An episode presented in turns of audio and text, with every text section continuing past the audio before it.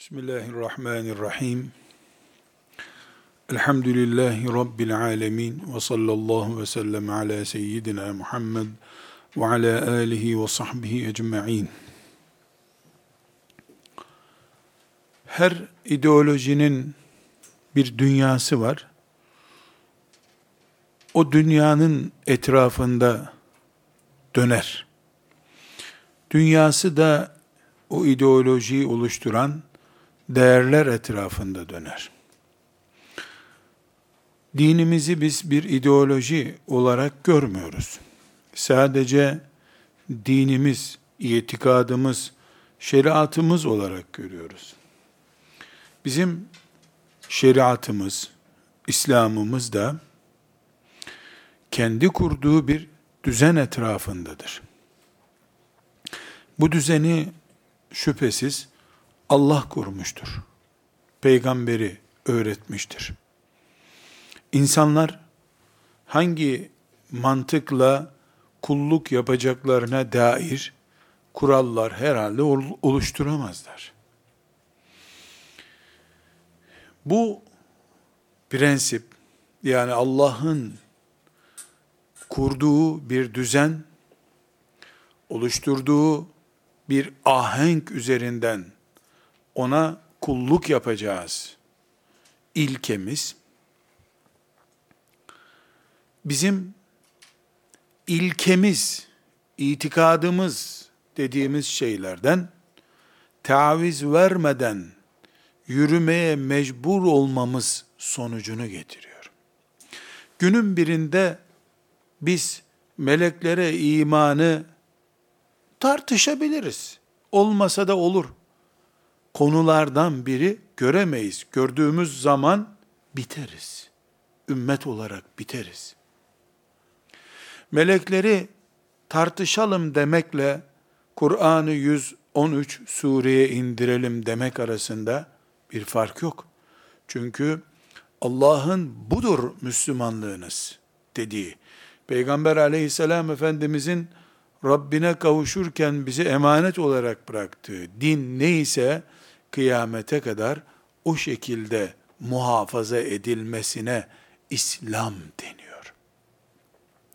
Bizim dünyamızı oluşturan ve kıyamete kadar Müslümanlık olarak muhafaza edeceğimiz ve inşallah hiçbir taviz vermeden kendimizi feda edeceğimiz ama onlardan birini feda edemeyeceğimiz ilkelerimizden biri ashab-ı kiramdır dedik. Ashab-ı kiramı biz putlaştırmadan ve kıymetlerini azaltmadan ekseninde döndüğümüz değerlerden birisi olarak koruyacağız. Korursak Müslümanız.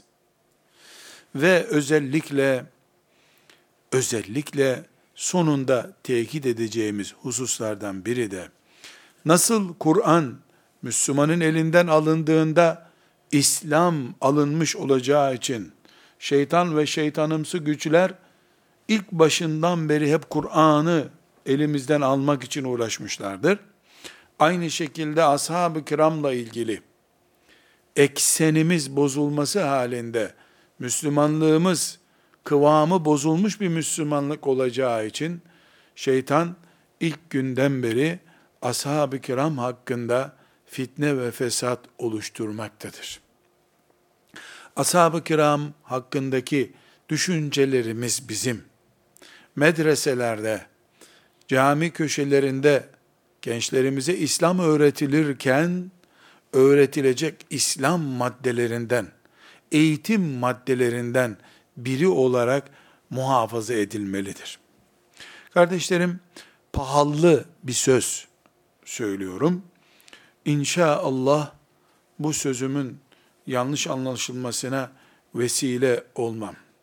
Bir Ramazan günü Müslümanlar bir camide oturup toplanıp bugün bir cüz Kur'an-ı Kerim okuyalım. Ramazan'da Kur'an inmişti. Biz de Kur'an ayındayız. Şöyle bir cüz Kur'an okuyalım. Deseler bunu mu tercih ederim? Yoksa oturup bir camide Müslümanlar bir hadisi şerif bilen, akide bilen bir hoca efendiden ashab-ı kiram hakkındaki düşüncelerimizin neler olması gerektiğini, sünnetin, Kur'an'ın ashab-ı kiram hakkında bize neler emrettiğini anlattığı ve anlaşılan bir ders yapsa bir saat. O bir saat ashab-ı kiramın konuşulduğu dersi mi tercih ederim, yoksa bir saat caminin radyatörlerine yaslanıp ya da klimanın arkasında oturup şöyle güzel sesi iyi olan Hafız Efendi'den bir cüz Kur'an okumayı mı tercih ederim sorulsa tercihim benim ashab-ı kiramı tanımaya yöneliktir. Kur'an'dan kıymetli ne bir sahabi ne bir insan mümkün değil şüphesiz. Ama Kur'an'ı getirenler ashab-ı kiramdır. Onları tanımadıkça, anlamadıkça Kur'an-ı Kerim'i de anlamak mümkün değil. Bu sebeple ashab-ı kiram hakkındaki bilgi dağarcığımızın kapasitesi ve berraklığı bizim imanımızı çok ciddi derecede ilgilendirmektedir. Önceki iki dersimizde ashab-ı kiram hakkında nelere dikkat etmemiz gerekiyor diye maddeler saydık. İlk üç maddemizi tespit ettik. Şimdi devam edeceğiz. Dördüncü maddede diyoruz ki, ashab-ı kiram, Allah onlardan razı olsun. İnsandılar. Adem'in çocukları olarak yaratıldılar. Beşer ne demekse, ashab-ı kiramın tamamı içinde o geçerlidir. Beşerden birisi idiler. Resulullah sallallahu aleyhi ve sellem onları analarının doğurduğu çocuklar olarak alıp yetiştirdi. Gökten bir sahabi inmedi. Yerden, topraktan da hiçbir sahabi çıkmadı. Bir mağarada gizlenmiş beş asırdır bekleyen bir sahabi de yoktu. Annelerinin Mekke, Medine, Taif sokaklarında doğurup büyüttükleri insanlardan Resulullah sallallahu aleyhi ve sellem sahabi neslini kurdu. İnsandılar. Ashab-ı kiram insan olmak ne demekse onu olduğu gibi yaşadılar, gösterdiler. Bunun için ashab-ı kirama insan olarak bakmak zorundayız. İnsan oldukları için de herhangi bir sahabinin yahu peygamberin aleyhissalatu vesselam dizinin dibinde büyü Cebrail aleyhisselamı şu veya bu şekilde gör Kur'an'ın ilk ayetlerine sen iman etmiş ol. Bedir'de Allah'ın övdüğü adamlardan ol. Yuh be akşam geldin yatıyorsun ya. Sen uyur musun? Diyemezsin. İnsan bu. Ne demek uyuyorum? Uyur tabi. İnsan çünkü. Beşer.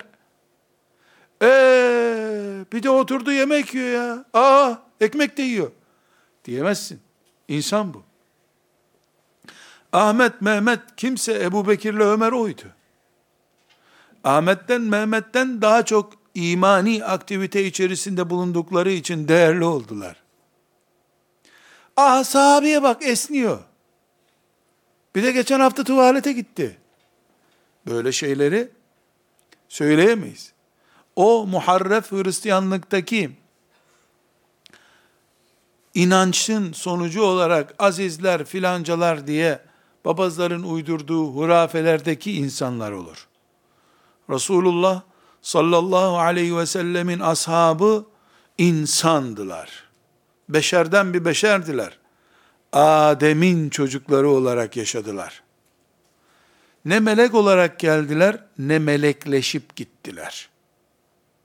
Ne cindiler, ne de cin olmak için uğraştılar. Bir ananın rahminde yaratıldılar. toprağa emanet edilip gidildiler. Ashab-ı kiramı bu şekilde görmedikçe hiçbir imani değerle uyuşmayan bir nesil görmüş oluruz. On binlerce peygamber adeta görmüş oluruz aklımızca. Böyle inanmazsak. Beşerden bir beşerdiler ifadesinin en tabii sonuçlarından biri de bugün 2000'li yıllardan bir tanesinde filanca Müslüman insan yemek yediği gibi onlar da yemek yediler diyoruz. Bugün bir insan uyuduğu gibi onlar da uyudular diyoruz. Bugün bir insan namazda şaşırıp dört rekat yerine beş rekat kıldığı gibi onlar da aynı şeyi yaptılar diyoruz. Bugün iki Müslüman öğle namazını camide kıldıktan sonra yani namaz kılan kimseler oldukları halde kavga gürültü ettikleri gibi ashab-ı kiram da insanlık da bugünkü nesille aynı tipte yaratılmış olduklarından onlar da caminin önünde kavga ettiler. Burada ashab-ı kiramın beşer olmasının sonuçlarını konuşuyoruz. Üçüncü maddemiz olarak, hesaplı dördüncü maddemiz olarak. Biz bir şey yaptığımızda, hata yaptığımızda, yanlış yaptığımızda, mazeretimiz ne? E insan canım, insan. Ashab-ı kiram da bir hata yapacak olduklarında cümle aynıdır, insan. Bu nedenle Resulullah sallallahu aleyhi ve sellemin ashabını yüzde yüz insan ölçüleri içerisinde düşünüyoruz. Filan vakada savaşmışlar, dövüşmüşler, birbirlerini ezmeye çalışmışlar diye bir olağanüstü sürprizle karşılaştığımızı zannettiğimiz zaman şaşırmıyoruz. Hiç sürtüşmemiş olsalardı, hiç yanlış olmasaydı hayatlarında ona şaşardık. Ne biçim insan bunlar derdik.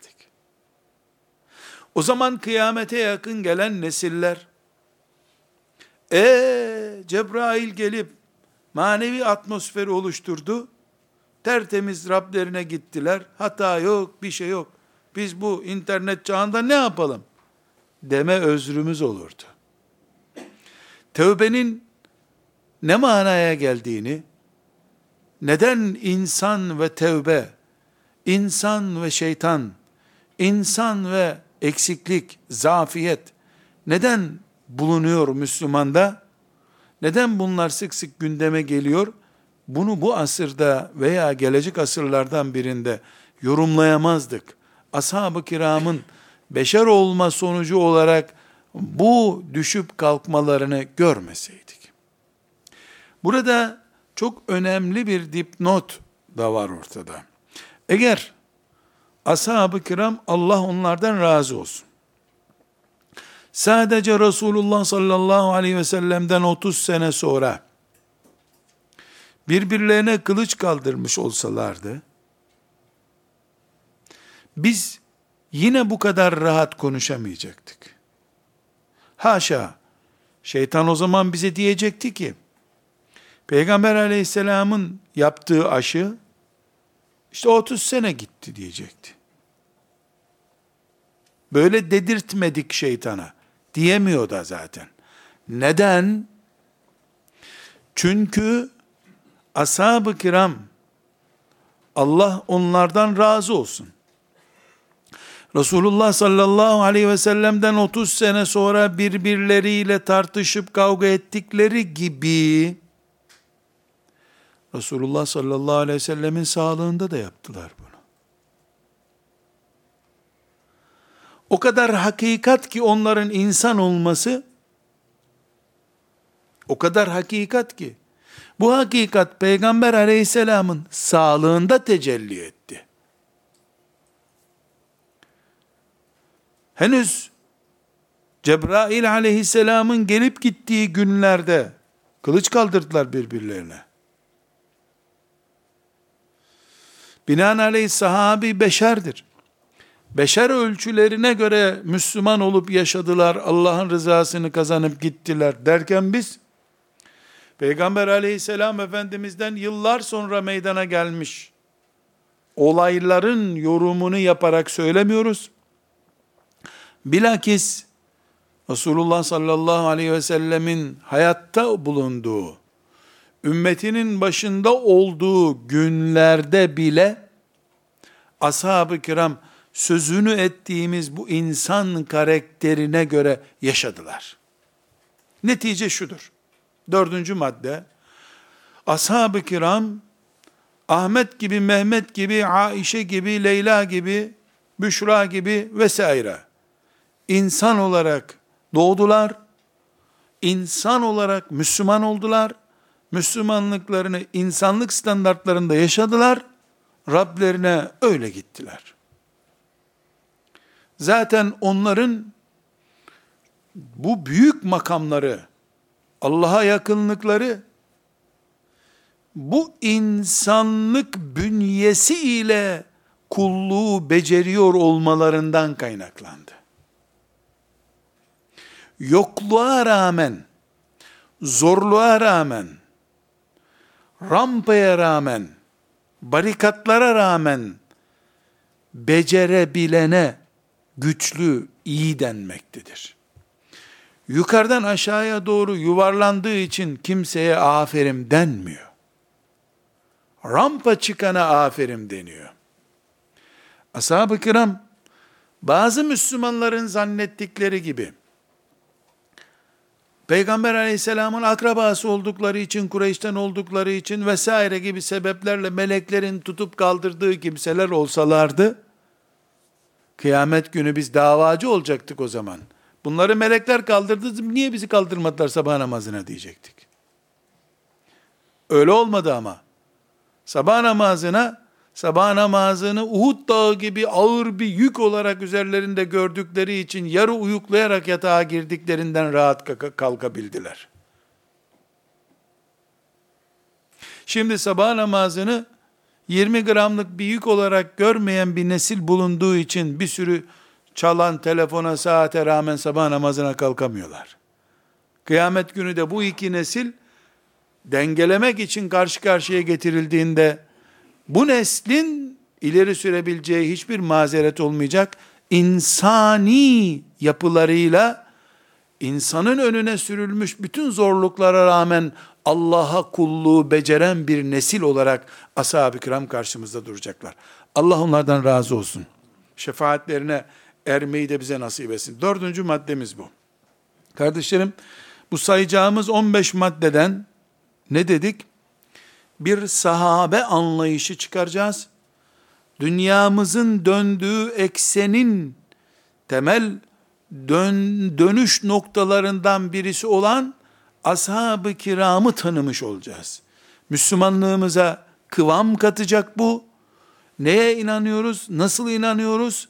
Ve biz nasıl olma mecburiyetindeyizi çıkaracağız bunlardan. Daha önceki derslerde vurguladım. Önemine binaen tekrar vurgulamak istiyorum. Ah Ebu Bekir, vah Ebu Bekir.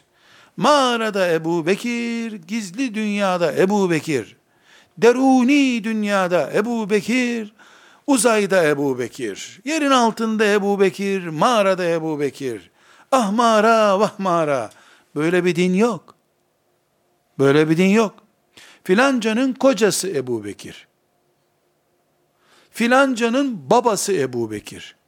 Filancanın oğlu Ebu Bekir filan tüccar olan Ebu Bekir, filan mücahit Ebu Bekir, çıkarıp malını infak eden Ebu Bekir, Resulullah'ın birinci adamı Ebu Bekir.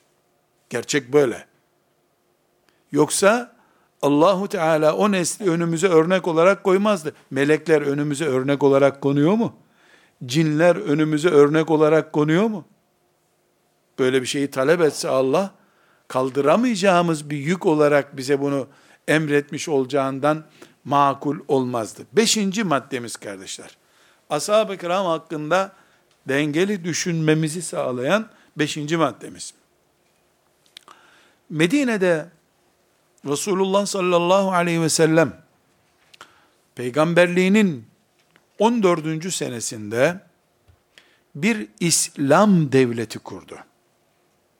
Peygamberliğinin 23. senesi dolduğunda bir 10 yıl içerisinde Resulullah sallallahu aleyhi ve sellem tam anlamıyla bir devletin başı olarak Rabbine kavuştu. Devlet ne demekse, ticaretiyle, ziraatiyle, siyasetiyle, toplumuyla tam anlamıyla bir devlet kurdu. 23 yıllık sivil bir hayatla vahşi bir ortamda devlet kurmak, kansız bir şekilde de bu devletin bayrağını ayağa kaldırmak, esasen insani ölçülerle anlatılabilecek kadar kolay bir şey değil. Şüphesiz, şüphesiz. Bu devleti 23 yılda Resulullah sallallahu aleyhi ve sellem ayağa diktiğinde Allah'ın yardımıyla oldu bu iş. Bunun hiç başka yorumu olamaz. Allah yardım etti ve Allah'ın yardımıyla Medine'de İslam devleti kuruldu. Burada sık sık dipnot zikrediyorum arkadaşlar. Bu dipnotlar sizin işinize yarar. Benim ne kadar lehime aleyhime olur bilmiyorum. Ama kıyamet günü ağzına gem vurulan biri olmaktan da Allah'tan korkuyorum. Resulullah sallallahu aleyhi ve sellemle ilgili yapılan övme toplantılarında aşırılık olarak anlatılabilecek tarzlar var. Mesela şuna dikkat ediniz. O kadar maharetli bir siyaset güttü ki sallallahu aleyhi ve sellem Efendimiz. Bir askeri deha idi. Çocuk pedagojisi bütün kurallarını ondan aldı. Kadınlar konusunda tam anatomi uzmanı gibi davrandı. Misvakı keşfetti. Develere merhamet kuralları koydu. Bu tip abartmalar Efendimiz sallallahu aleyhi ve sellemin kendisinin itiraz ettiği şeylerdi zaten. Kur'an bunların hepsini Allah'a mal ediyor. Ebu Talip öyle bir yetiştirdi ki onu 40 yaşında yönetimi ele aldığında tam bir siyasetçi gibiydi. Bu tip ifadeler yerinde değildir. Resulullah Resulullah'tır sallallahu aleyhi ve sellem. Sanki o kadar üstün meziyetleri var ki insan olarak, yani Allah onu göndermese de kendisi çıkıp gelecekti zaten. Der gibi anlatımları kabul edemeyiz. Kitabımız febima rahmetin min Allah diyor. Allah'tan bir rahmetle desteklendin de böyle oldu diyor. Allahu Teala onu o meziyetlerle donattı. Yoksa Efendimiz sallallahu aleyhi ve sellem akli melekelerini kullanarak, bilek gücünü kullanarak ortaya bir başarı getirmedi. Allah kudretini, mucizesini onun üzerinde tecelli ettirdi. Bu ondaki azameti tenkis etmek değildir. Onu haşa, maazallah, sıradan bir insan görmek gibi değil bütün azameti ve kudreti Allah'a mal etmek başka şey. O da tek başına varmış gibi görmek başka bir şeydir. Burada kardeşlerim, Beşinci maddeye şimdi geliyoruz. Beşinci maddede diyoruz ki, Medine'de sallallahu aleyhi ve sellem bir İslam devleti kurdu. Onun eliyle Allah kurdurdu. Bu devlet 23 yılda gelmesi makul olmayan bir noktaya geldi. Arap Yarımadası gibi bir toprak bütününü İslam devleti merkezi yaptı. Çevresinde iki büyük imparatorluk tarafından bir numaralı güç kabul edildi.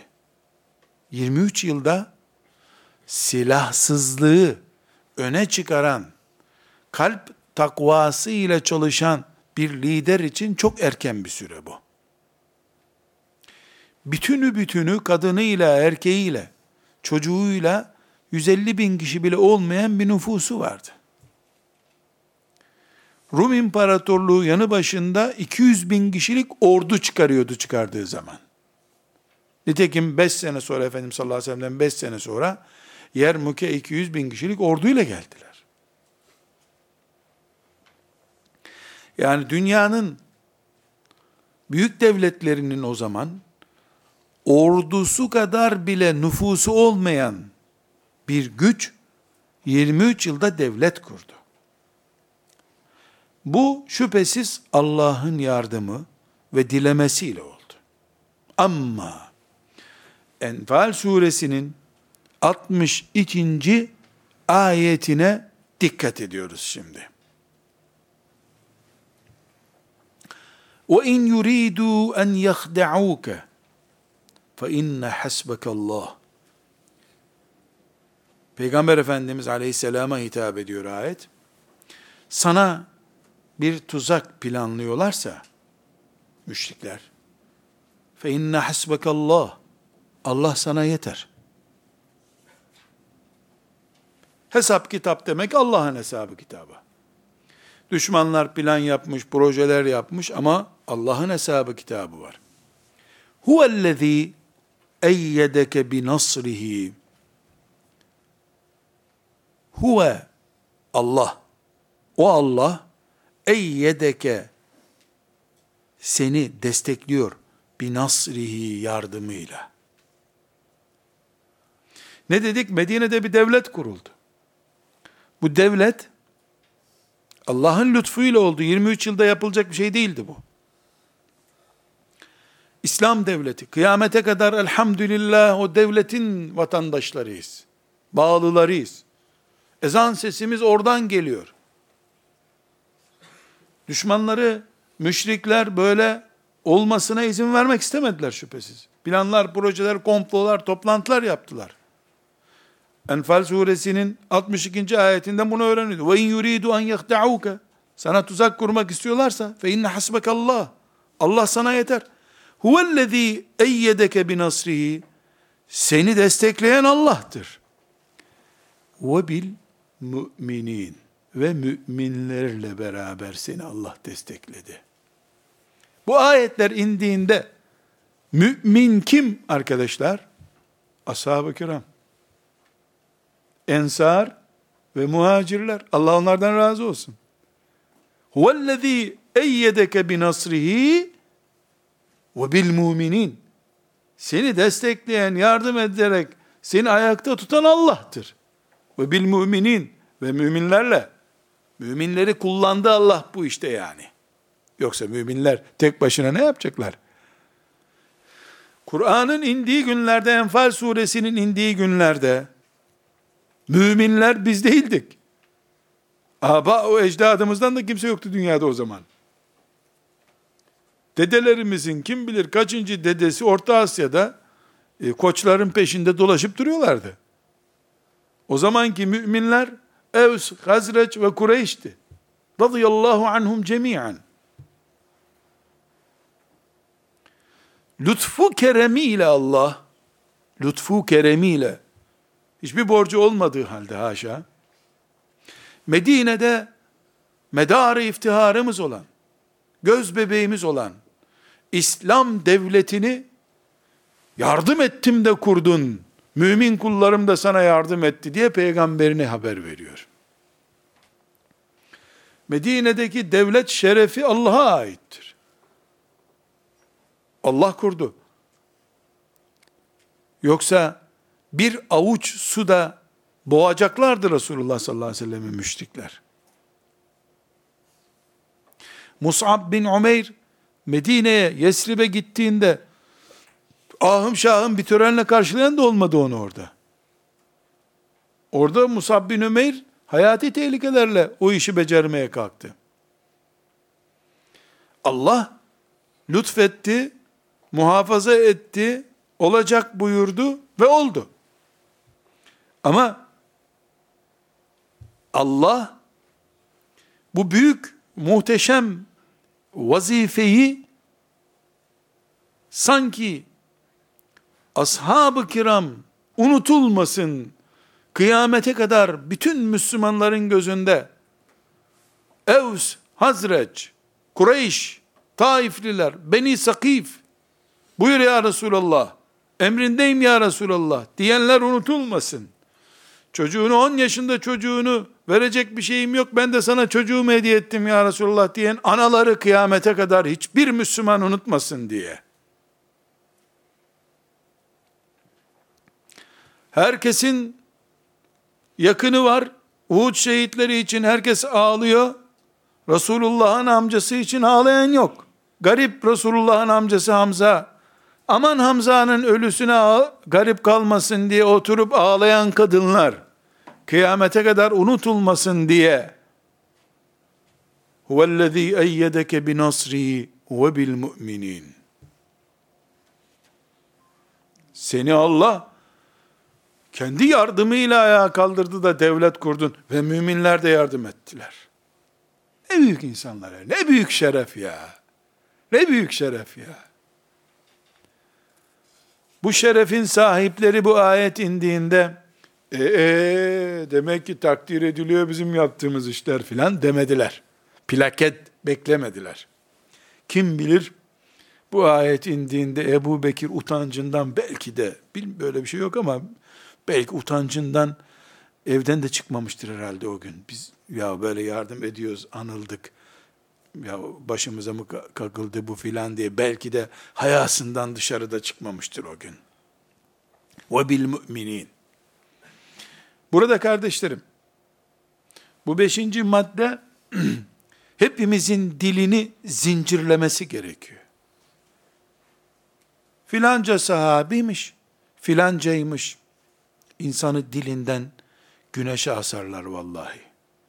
Ashab-ı kiramın hakkında konuşmak, ileri geri laf etmek, filanca şöyle demiş, filanca böyle demiş diye birilerinin laflarını nakletmek, huvellezî eyyedeke bi nasrihi ve bil mu'minin ayetine, Kur'an'ın dışında bir yer bulmadıkça mümkün değil.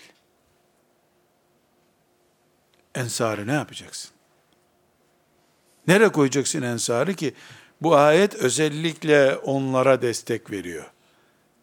Neden? Çünkü Resulullah sallallahu aleyhi ve sellem ensardan gördüğü lojistik destek sayesinde Mekkeli müşriklere karşı cihat zaferi kazandı. Beşinci maddede bu.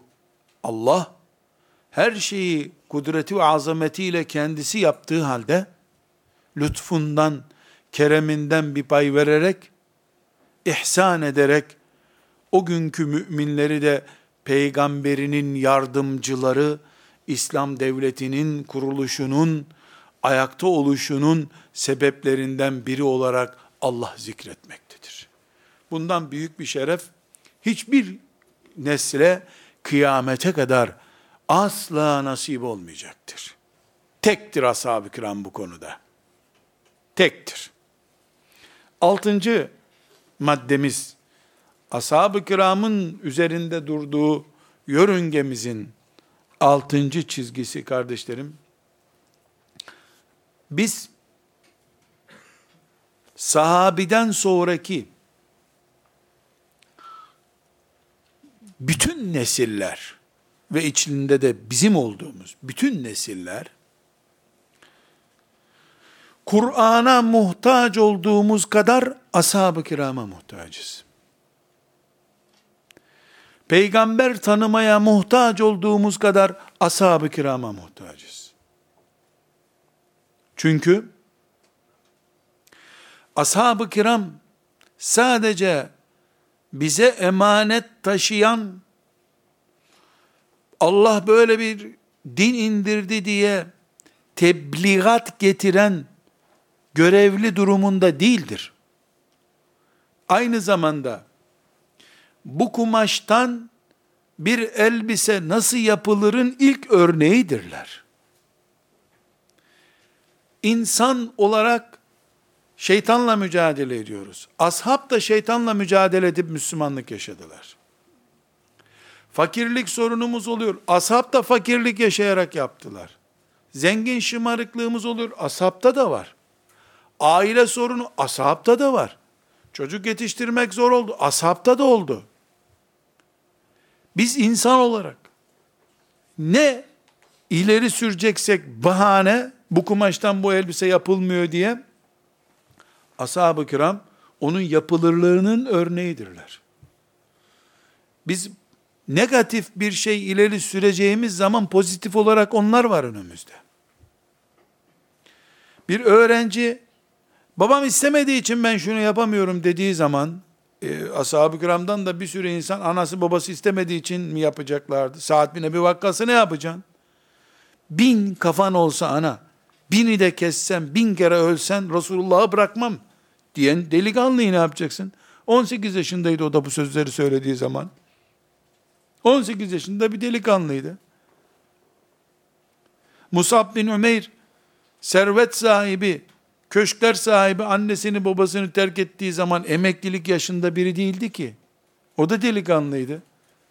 20 yaşında bir delikanlıydı anayı babayı terk ettiği zaman. İpekten başka bir şey girmeyen bir ailenin çocuğu olarak yaşıyordu. Kefen bile üzerinde bulunamadı. Setri avret yapacak kadar, dizlerini örtecek kadar bir kumaşı olmadan bu dünyadan gitti. Ashab-ı kiram, altıncı maddede diyoruz ki, ashab-ı kiram, örnek olarak, kesinlikle kıyamete kadar bütün nesillerin önünde olmalıdır. Bu örneklik bulandırıldığı zaman, çağdaş ifadeyle flu hale getirildiği zaman, bundan İslam'ın yaşanması açısından sorun çıkar. Ashab-ı kiram kutup yıldızı gibi gökte net kalmalıdır. Ümmetin göklerinde bulutsuz bir ortamda kalmalıdır ashab-ı kiram. Şu veya bu konuda ashab-ı kiramın ismini ileri sürerek münakaşa oluşturmak bulutlar getirip görüntüyü bozmak demektir. Bu nedenle ashab-ı kiramdan hemen sonraki nesil ashab-ı kirama yüzde yüz muhtaçtı. Biz yüzde bin dört yüz muhtacız. Bizden sonraki nesil yüzde bin beş yüz muhtaçtır. Çünkü neden? Kış çoğaldıkça sobanın ayarını da yükselttiğin gibi kıyamete yaklaşıp Allah'a teslimiyetimiz zorlaşmaya başladıkça namaz kılmanın önünde engeller artmaya başladıkça gençliğin fitne fesada düşme ihtimali yükselmeye başladıkça ashab-ı kirama ihtiyaç da artacak demektir. Sıcak arttıkça klimanın ayarını yükselttiğim gibi şeytan nesillerin etrafını kuşattıkça ashab-ı kirama ihtiyacımız da artacaktır. Gitgide ashabın değerinin düşmesi bir kenara, gitgide değeri artması gerekiyor ashab-ı kiramın. Gecenin karanlığı arttıkça gökteki yıldıza ihtiyacım da artacak benim. Başka çarem yok. Kaldı ki mantık çatlatan bir soruya cevap bulmak zorundayız. Resulullah sallallahu aleyhi ve sellem Efendimiz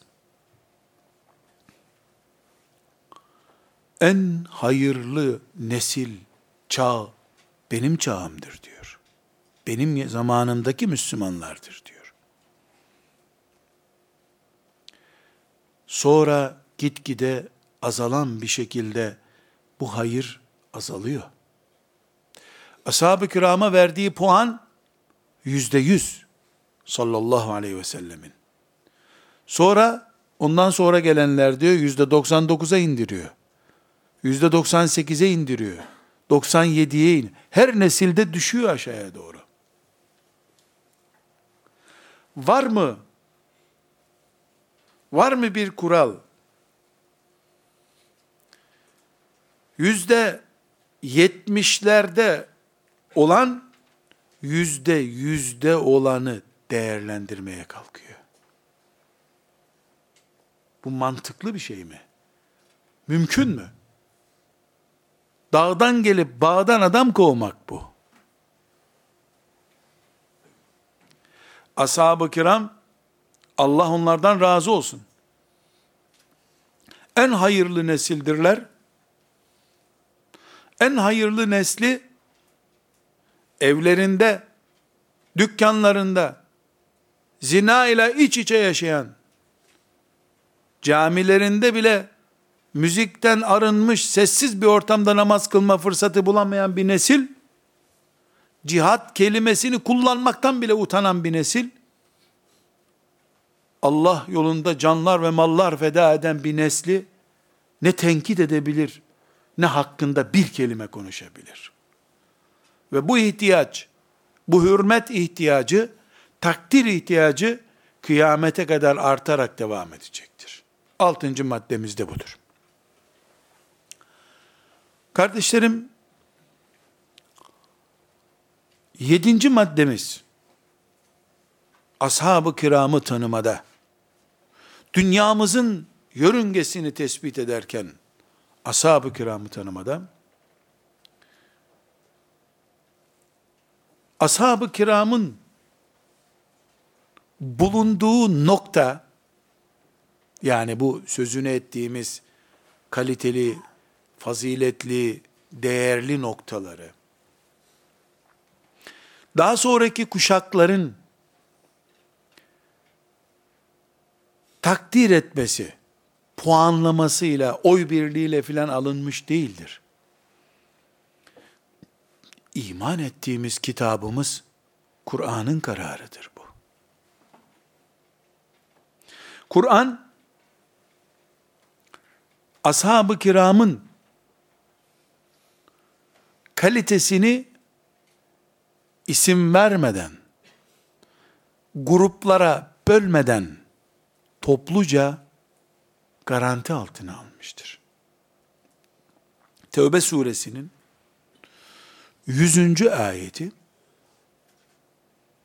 hiçbir tartışmaya mecal bırakmayacak kadar gayet açık ve nettir. وَالسَّابِقُونَ الْاَوَّلُونَ مِنَ الْمُهَاجِرِينَ وَالْاَنْصَارِ وَالسَّابِقُونَ الْاَوَّلُونَ İlk koşu verenler, ilk teslim olanlar, ilk iman edenler, minel muhacirine vel ensar, muhacirlerden ve ensardan, yani Mekkelilerden, Medinelilerden, ilk iman edenler, ilk koşu verenler. E bu ilk iman edenler demek ki Ebu Bekir, Ali, Hadice, sonra Medine'de ki Ensar, Evs ve Hazreç'ten ilk 100 kişi, 200 kişi mi diyor? Hayır. وَالَّذ۪ينَ اتَّبَعُوهُمْ بِإِحْسَانٍ Güzel bir şekilde o ilk koşanların peşinden koşanlar.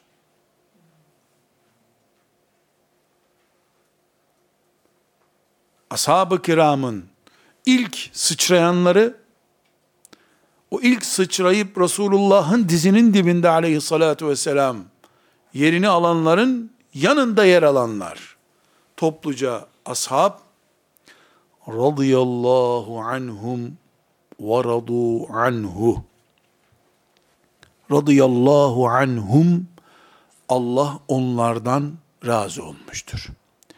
Ve radu anhu onlar da Allah'tan razıdırlar.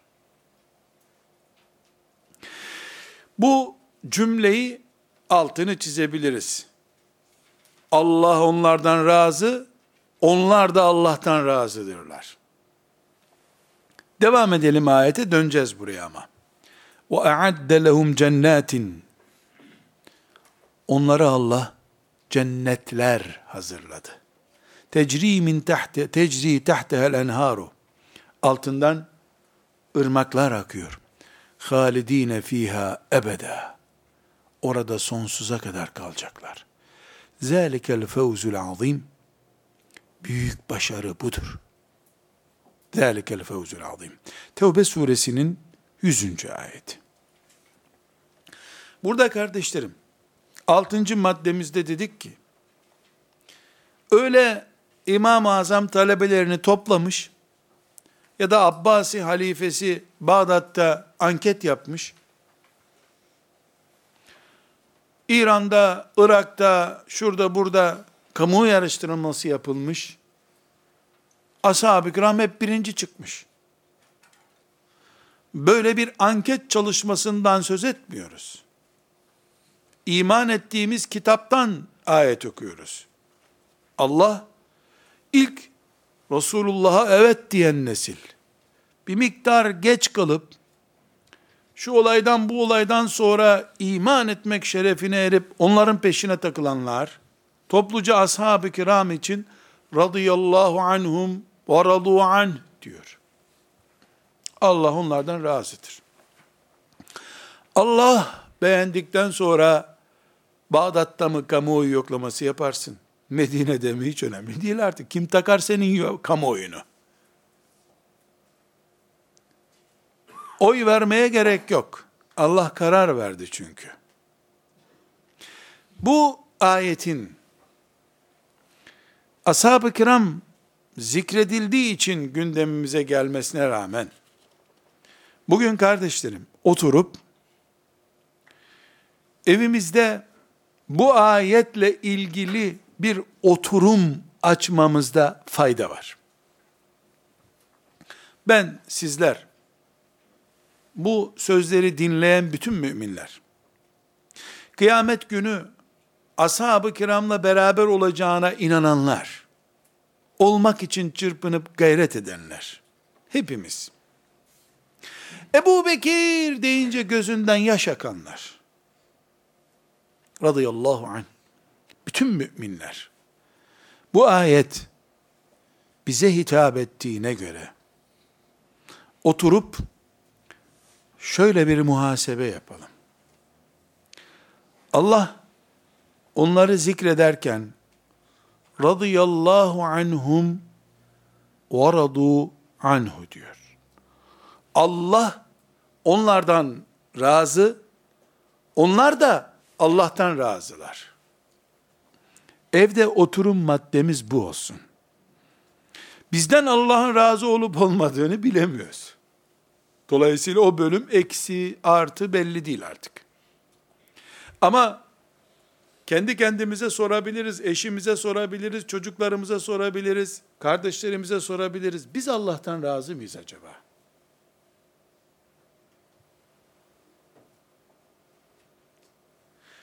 Cevabı tahmin ediyorum. Ne demek haşa sümme haşa? Bunun sorusu mu olur? Elbette razıyız. Ama bunu pratik üzerinden yapacağız. Teori üzerinden değil. Hanımefendi, şu dünya kadınlarının Allah'a yakıştıramadıkları şirot diye kabaca iti verdikleri ayetler hakkındaki kanaatinizi alalım. Ondan sonra da Allah'tan memnun musun değil misin test edelim. Oyalama rızası değil. Zekat verirken sadaka verirken birisinin sana bahşiş vermesi kadar mutluluk hissediyorsan Allah'tan razısın. Efendi, beyefendi, çocuğunu Rabbin bir hastalıkla, bir kaza ile senden aldığında, alan Allah ise çıt yok deyip oturuyor musun? Evlilikten, işten, rızıktan, sözünü Allah'ın konuştuğu, kararını Allah'ın verdiği bir işte, yani senin kaderinle ilgili bir işte, ümmetinin genel coğrafyası hakkında, ümmetinle ilgili semayı kuşatan karanlık haberlerle ilgili konularda, Allah ve sen baş başa kaldığınızda, hani Taif'te vardı ya, taşlar mübarek vücudundan kan akıttığında, üzüm kütüğünün yanına yaslanıp, Rabbim, sen razı ol, hiçbir şikayetim yok demişti ya. Rıza öyle. Sen yeter ki razı ol. Bu acziyetimi, çaresizliğimi senden başka kime anlatırım ben? İnsanlar beni horluyorlarmış, taşlıyorlarmış. Yeter ki senin rızana kavuşayım. Demek, razı olup olmadığının ölçüsü. İş işten geçtikten sonra, tavaf ederken, Arafat'ta vakfe yaparken, herkesle beraber yapılan dualardan bir dua olarak, biz senden razıyız ya Rabbi sen de hakkını helal et filan der gibi konuşmak, insanın kendi kendine avuttuğu kuru bir teselli olabilir. Radıyallahu anhum ve radu anh ashab-ı kiramdan Allah razıydı ama onlar da Allah'tan razıydılar. Onlar da Allah'tan razıydılar. Bunun örnekleri üç tane, beş tane, yirmi tane değil. Ashab-ı kiramın hayatı bu örneklerle dolu.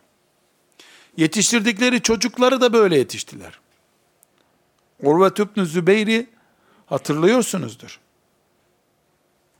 Çocuğu öldüğü gün ayağı kangren olup kesildi.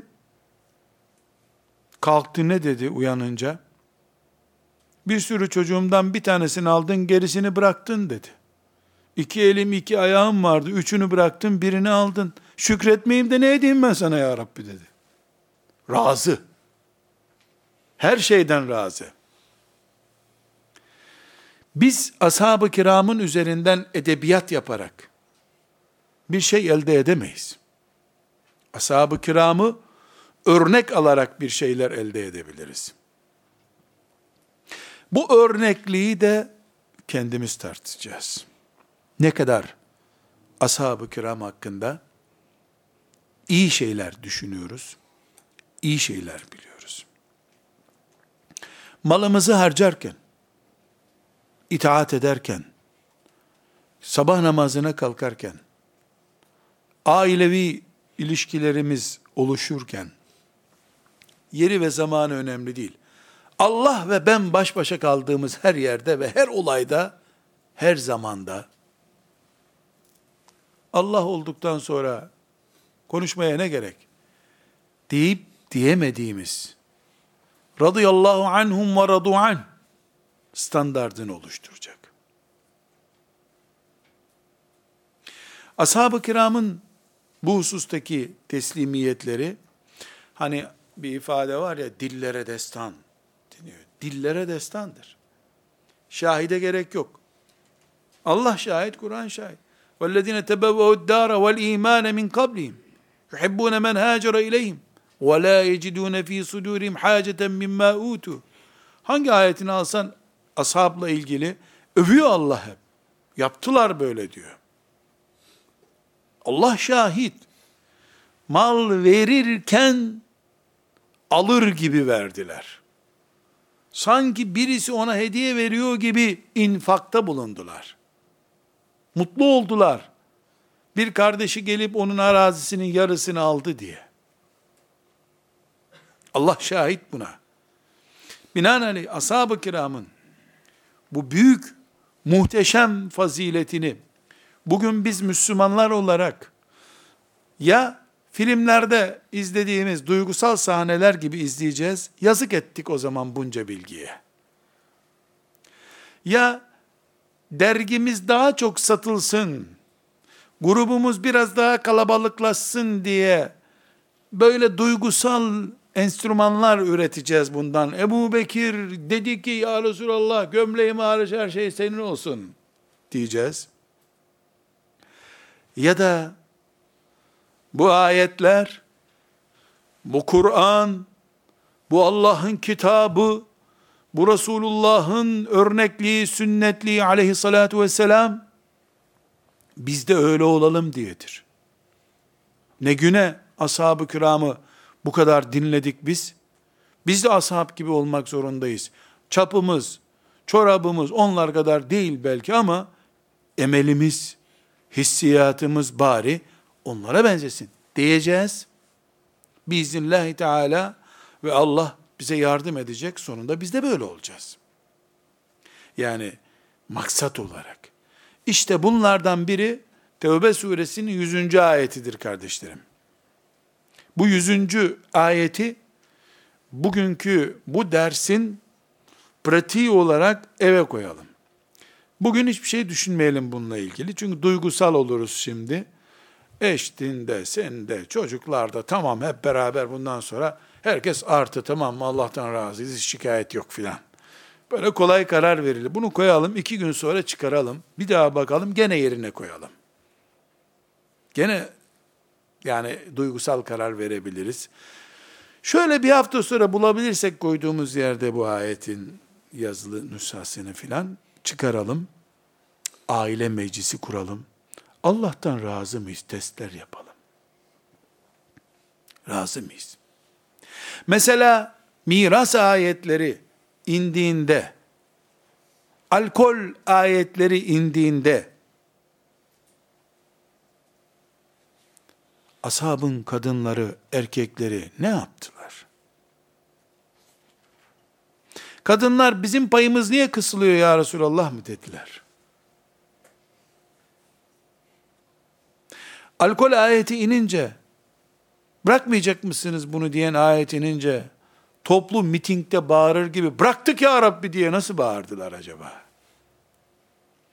Lafını değil, pratiğini biz yaptığımızda ne kadar yapabiliriz? Bunu test edelim. Bir ay sonra bir daha test edelim. İki ay sonra bir daha test edelim. Olumsuz çıksa bile sonuçlar maazallah. Hiç olmasın melekler bizi görsünler ki bir çırpınış içerisindeyiz. Allah'tan razı olmak için uğraşıyoruz. Ve küçük bir öneri, yapılır yapılmaz bilmiyorum, belki de yapılmaması da daha doğru olabilir. Hani bunu bana hediye eden Allah razı olsun kardeşim diye diyoruz ya. Gelin bundan sonra şöyle bir dua yapmaya çalışalım. Ben de Allah'tan razı olayım, sen de Allah'tan razı ol. Emin kardeş. Hep Allah bizden razı olsun diyoruz da. Bir seviye de var ki sen de Allah'tan razı oluyorsun. O olmadan o olmuyor. Bu da olmadan o olmuyor zaten. Böyle bir şey Türkçe'ye de uymuyor. Allah senden razı olsun kardeşim dendi de mesela sen de Allah'tan razı ol. Çok memnun oldum bundan. Uymuyor Türkçe yani. Biraz şeye gidiyor. Yabancı bir kavram geliyor bize. Ben kimim de Allah'tan razı olacağım. Elbette Allah'tan razılık filmi çevirecek halin yok.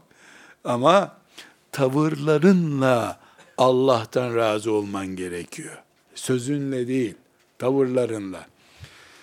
Evet, ee, devam edeceğiz inşallah. Sallallahu aleyhi ve sellem ala seyyidina Muhammed ve ala alihi ve sahbihi ecma'in velhamdülillahi rabbil alemin.